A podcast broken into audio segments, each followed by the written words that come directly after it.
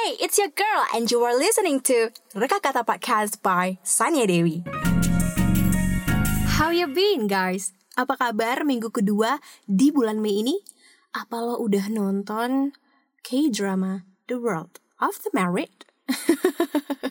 Serial yang lagi rame banget dibicarain orang-orang ya. Ya, iya sih. Karena itu paling relate, maksudnya kayak paling deket sih dengan kehidupan sehari-hari apalagi buat yang udah berumah tangga nih. Terus uh, paling menakutkan lagi kalau lo mau berumah tangga gitu ya. Ya mau gimana lagi ya? Karena uh, selingkuh itu sangat menyakitkan untuk kedua belah pihak sih nggak cewek nggak cowok kalau lo ngelakuin ya bakal nyakitin pasangan lo gitu. Nah, serial itu diadaptasi dari film Dr. Foster di tahun 2015. Kalau nggak salah sih itu buat TV-nya mana ya? Acara BBC One. Kalau nggak salah sih. nah, jadi uh, baru rame juga nih karena dia tayang di TV beneran gue kira kayak cuma yaudah deh iklan gitu doang kan eh ternyata beneran. Kalau menurut gue mending streaming deh. Ya yeah, if you know what I mean. Eh lo tau gak sih? Emak gue langsung bilang kayak gini aduh gak usah lah nonton-nonton yang kayak gitu. Udah banyak kejadian juga. Maksudnya nyata gitu ya. Terus uh, jadi ngomongin jodoh ujung-ujungnya kata mama makanya kelakuan yang bener aja jangan ngadi-ngadi deh karena jodoh itu cerminan kita ya cerminan diri sendiri gitu loh. Nah kan? Berat jadi deh bahasannya. Eh karena gue nyari tahu uh, tentang serialnya gitu ya tentang K-drama ini gue jadi tertarik nih untuk uh, mengangkat tema yang yang sejenis lah gitu. Mungkin orang-orang berpikir selingkuh itu udah level paling menyakitkan di dalam suatu hubungan ya memang benar gitu. Tapi ada yang lain nih yang mesti lo tahu gitu apalagi buat yang cewek-cewek ya biar nggak gampang ketipu. Wow lo pengen tahu? Ntar ya disimpan dulu. Ngomong-ngomong soal tipu menipu lo tau nggak game yang diselesaikan dengan cara uh, apa ya out of the box kalau lo tahu caranya nih berasa ketipu aja gitu di akhir. Oh ternyata mainnya kayak gini. Oh kenapa nggak kepikiran ya? Ternyata caranya kayak begini gitu. Gue lupa sih nama gamenya apaan ya. Sejenis tes otak gitu. Tapi bukan tebak-tebak gambar bukan tebak kata deh. Aduh gue lupa lagi. Apa ya Yaudah deh. Kebetulan gue kurang suka sama game yang genrenya fighting gitu. Ya lo pasti tahu lah ya ada apa aja. Nggak cewek, nggak cowok mah Sekarang sama aja mainannya itu juga.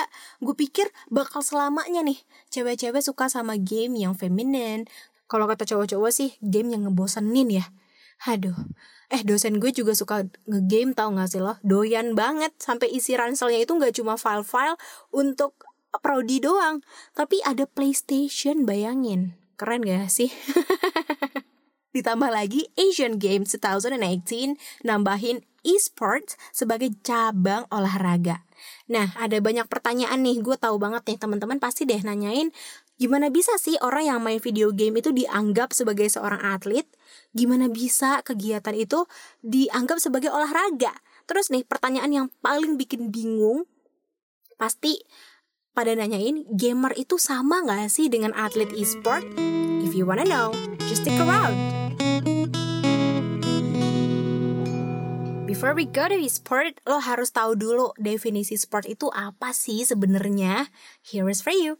Sport punya definisi umum sebagai segala kegiatan yang memiliki aktivitas fisik melalui partisipasi casual, atau terorganisir dengan tujuan untuk mengekspresikan atau meningkatkan kemampuan fisik dan mental yang bisa digunakan untuk hubungan sosial dan meraih prestasi. Well, e-sports atau electronic sports adalah olahraga yang cara mainnya itu uh, menggunakan perangkat elektronik. Jadi lo bisa berolahraga dari smartphone atau komputer. Nah, untuk arti hubungan sosial dan meraih prestasi pastinya lo udah paham lah ya. Tapi gimana nih dengan aktivitas fisik di sana? apa hal-hal yang berhubungan fisik yang bisa didapat dari e-sport? Oke, okay, we'll see.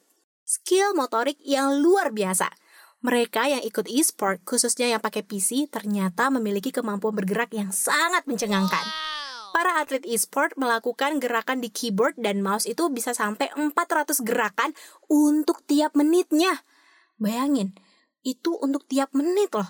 Gerakan itu asimetris ya, di mana kedua tangan mereka itu memiliki gerakan yang berbeda di saat yang bersamaan. Artinya otak juga bekerja keras. Hmm, pretty cool, huh? Selanjutnya memiliki denyut nadi setara atlet maraton.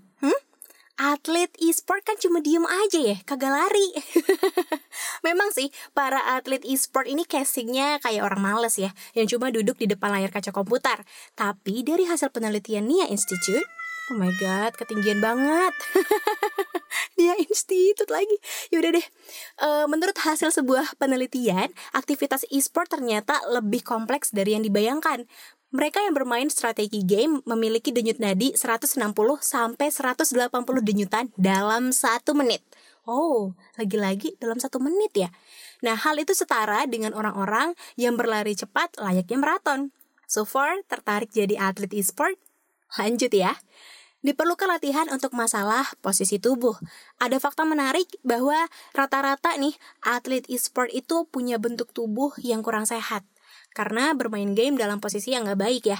Padahal itu mempengaruhi banget tuh kinerja mereka dalam bermain. Nah, atlet e-sport itu perlu latihan untuk posisi tubuh, khususnya di bagian bahu dan leher. Kebayang gak sih, mereka itu lebih lama duduk. Leher juga gak banyak digerakin ya. Haduh, pegel lama-lama ya.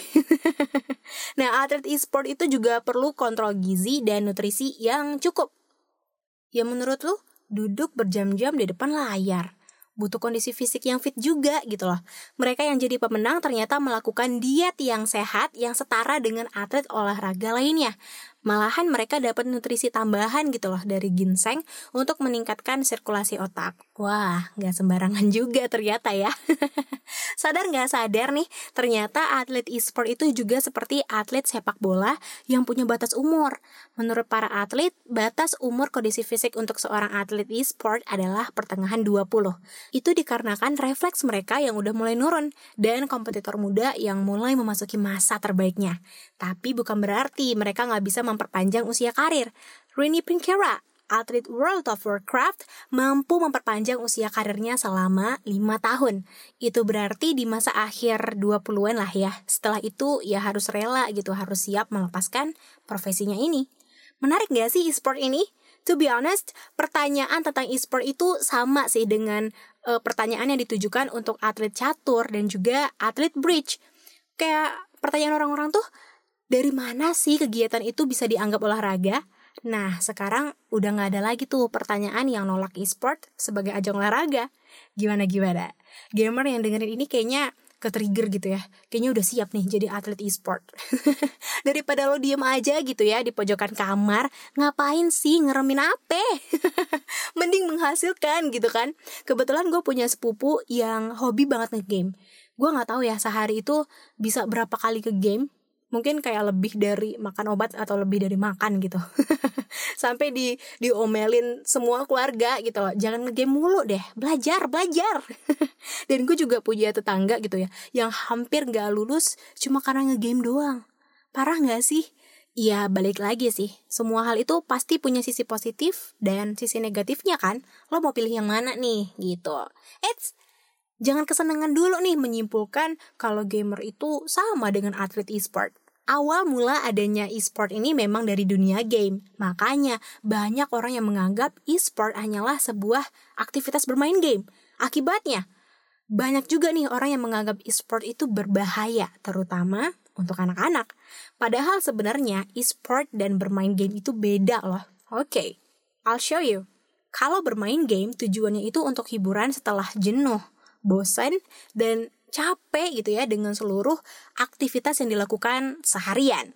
Ya, santai memang butuh mengistirahatkan pikiran ya. Bermain game adalah salah satu cara selain tidur ya. Sedangkan e-sport adalah sebuah profesi, sama dengan cabang olahraga lainnya nih, yang tadi udah gue bahas tuh. Atlet sepak bola menjadikan olahraga sepak bola sebagai pekerjaan. Gitu juga dengan e-sport. Jadi mereka melakukannya bukan di saat senggang, bukan di waktu luang gitu, tapi memang sebagai aktivitas utamanya mereka. Karena merupakan olahraga, atlet e-sport itu juga dilatih ya untuk berkonsentrasi. Konsentrasi, tatap mata Ojan. Kenapa gue nggak bisa serius banget ya jadi orang? Oke oke, balik lagi deh. Nah, jadi uh, atlet e-sport itu juga pakai seragam sama kayak atlet olahraga lainnya gitu loh uh, di saat mereka bertanding. Nah, mereka juga nggak bermain individu loh, tapi sebagai satu kesatuan tim. You got it? Paham kan kalau sebenarnya gamer itu beda dengan atlet e-sport? Untuk menjadi atlet e-sports emang gak mudah. Lo nggak cuma harus suka bermain gamenya aja gitu loh tapi juga harus benar-benar serius dan komitmen untuk terus berlatih. Nah, ketemu kan? Itu tuh yang susah, komitmen. Seenggaknya ya dengan diri sendiri aja deh dulu. That's it. Mungkin setelah ini lo udah punya niat gitu ya, mau naik level dari gamer ke atlet e-sport. Boleh banget. Tetap semangat ya.